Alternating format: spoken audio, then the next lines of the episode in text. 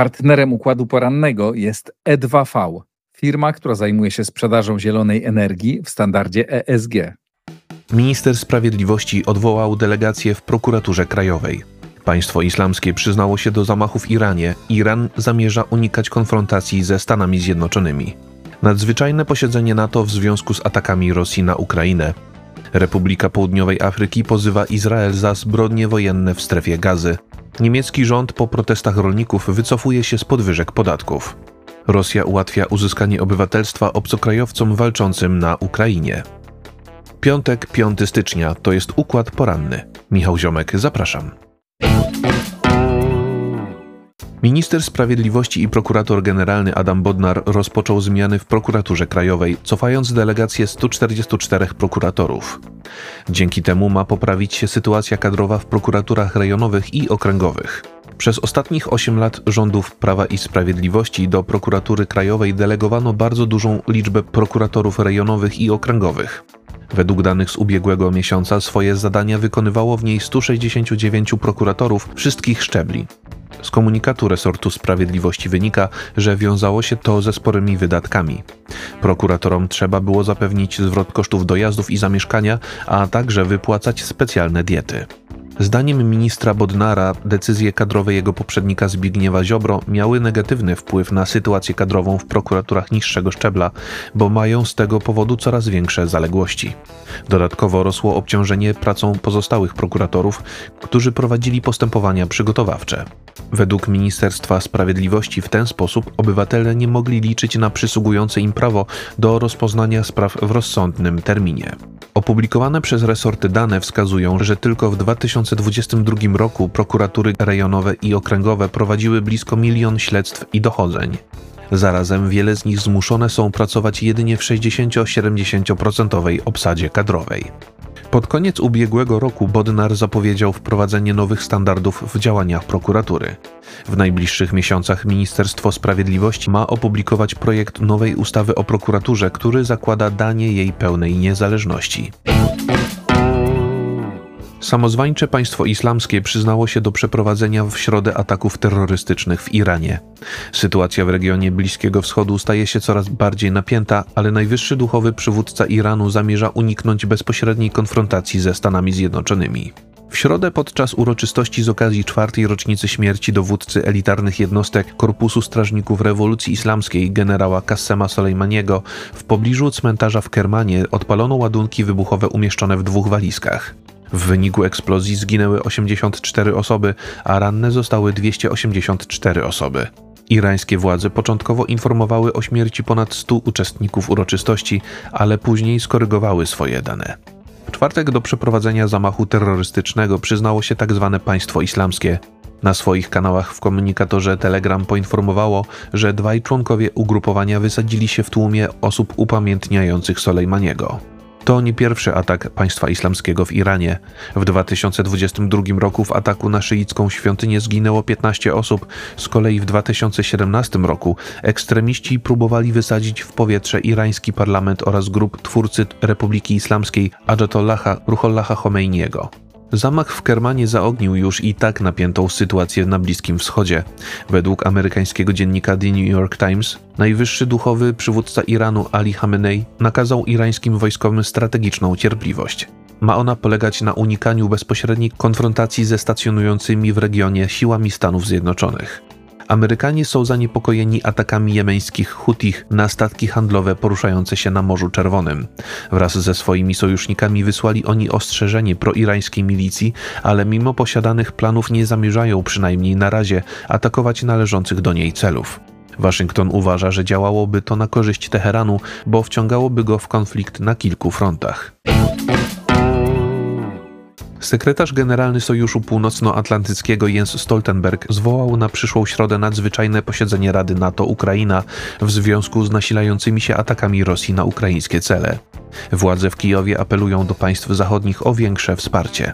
Spotkanie na szczeblu ambasadorów odbędzie się na wniosek Ukrainy. Tamtejszy minister spraw zagranicznych Dmytro Kuleba podkreślił, że decyzja Stoltenberga jest ważnym znakiem jedności euroatlantyckiej w obliczu eskalacji rosyjskiego terroru, a posiedzenie Rady będzie poświęcone wzmocnieniu ukraińskiej obrony powietrznej. Rosja prowadzi zmasowane ataki przy pomocy rakiet i dronów w ramach odwetu za zbombardowanie Białgorodu przez ukraińską armię. Brytyjski wywiad w swoim najnowszym raporcie zauważa, że Rosjanie zmienili taktykę, koncentrując się na próbach zniszczenia ukraińskiego przemysłu zbrojeniowego. Kuleba zwrócił się do państw zachodnich o zwiększenie pomocy dla swojego kraju, bo posiadają one wystarczające środki.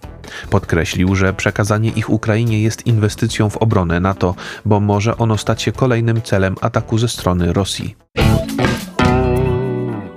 Republika Południowej Afryki zwróciła się do Międzynarodowego Trybunału Sprawiedliwości w Hadze z wnioskiem o zastosowanie środków tymczasowych w związku z ludobójstwem popełnianym przez Izrael w strefie gazy. Izrael zamierza bronić się przed oskarżeniami, co zdaniem brytyjskiego dziennika The Guardian wiąże się ze sporym ryzykiem. Władze RPA twierdzą, że ataki sił obronnych Izraela na palestyńską enklawę mają charakter ludobójstwa, ponieważ towarzyszy im szczególny zamiar zniszczenia Palestyńczyków w Gazie jako części szerszej, narodowej, rasowej i etnicznej grupy Palestyńczyków. Z tego powodu domagają się one od Międzynarodowego Trybunału Sprawiedliwości wezwania Izraela do zaprzestania prowadzenia operacji bojowych mogących mieć znamiona ludobójstwa. The Guardian zwraca uwagę na fakt, że w ostatnim czasie państwa coraz częściej zwracają się do Hagi z podobnymi wnioskami, chociaż pozwane strony tylko w połowie przypadków stosują się do orzeczeń Trybunału.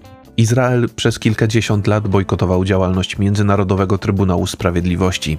Zamiar bronienia się przed wnioskiem RPA zdaniem brytyjskiej gazety jest obarczony dużym ryzykiem, bo utrudni mu zignorowanie niekorzystnego dla siebie orzeczenia.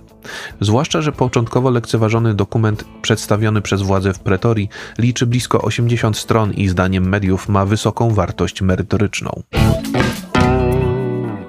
Niemieckie władze po protestach rolników wycofały się z planów natychmiastowego wycofania przysługujących im ulg podatkowych. Portal Politico przypomina, że kanclerz Olaf Scholz wciąż ma problem ze sfinalizowaniem budżetu na bieżący rok.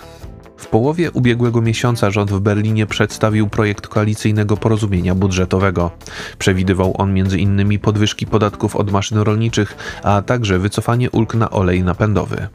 Propozycje przedstawione przez Scholza wywołały kontrowersje wśród rolników, którzy 18 grudnia przy pomocy traktorów zablokowali niemiecką stolicę. Przedstawiciele farmerów wystosowali ultimatum, zapowiadając zorganizowanie demonstracji na dużo większą skalę. Z tego powodu rząd zdecydował się wycofać z dotychczasowych planów. Ograniczenie ulg podatkowych nie nastąpi więc już w tym roku, ale będzie procesem trwającym przez kilka lat. Zdaniem rządzących rolnicy będą mieli więcej czasu na dostosowanie się do zmian.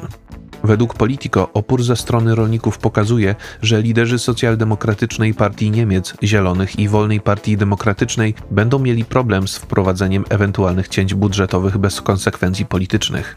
Rząd Scholza wciąż nie przygotował swoich ostatecznych planów finansowych na bieżący rok, bo próbuje załatać wielomiliardową dziurę budżetową. Problemy z jej sfinansowaniem są następstwem wyroku Federalnego Trybunału Konstytucyjnego, który uznał za niezgodny z ustawą zasadniczą plan przeniesienia niewykorzystanych środków finansowych na walkę z pandemią koronawirusa na Fundusz Walki ze Zmianami Klimatycznymi. Nowym pomysłem koalicji jest pozyskanie funduszy dzięki rozpisaniu przetargów na budowę morskich farm wiatrowych. Prezydent Rosji Władimir Putin podpisał dekret ułatwiający uzyskanie obywatelstwa przez obcokrajowców walczących na Ukrainie w szeregach rosyjskiej armii. Według portalu The Moscow Times Kreml jest zainteresowany przyznaniem paszportów przede wszystkim cudzoziemcom z państw byłego Związku Radzieckiego. Z uproszczonej procedury otrzymania rosyjskiego obywatelstwa będą mogli skorzystać obcokrajowcy, którzy podpisali co najmniej roczny kontrakt z siłami zbrojnymi Federacji Rosyjskiej lub innymi formacjami wojskowymi i brali udział w inwazji na Ukrainę. Nowe regulacje obejmują również ich małżonków, dzieci i rodziców. Urzędy będą miały miesiąc na rozpatrzenie odpowiednich wniosków. Nowy dekret zastępuje poprzednie regulacje wprowadzone przez Putina we wrześniu 2022 roku. Znosi więc wymóg odbycia sześciomiesięcznej służby wojskowej przed złożeniem wniosków, a także o dwa miesiące skraca procedurę jego rozpatrzenia. Zdaniem The Moscow Times oferta skierowana jest głównie do pracujących i mieszkających w Rosji imigrantów pochodzących z biedniejszych państw dawnego Związku Radzieckiego. Portal przypomina jednak, że władze Kazachstanu, Kirgistanu, Tadżykistanu i Uzbekistanu apelowały do swoich obywateli, aby nie brali oni udziału w wojnie Rosji z Ukrainą. Informacje przygotował Maurycy Mietelski, nadzór redakcyjny Igor Jankę. Jeżeli podoba się Państwu nasza praca, serdecznie zachęcam do wsparcia Układu Otwartego w serwisie patronite.pl. To wszystko na dzisiaj. Bardzo Państwu dziękuję za uwagę, życzę spokojnego weekendu i do usłyszenia w kolejnym Układzie Porannym. Partnerem układu porannego jest E2V, firma, która zajmuje się sprzedażą zielonej energii w standardzie ESG.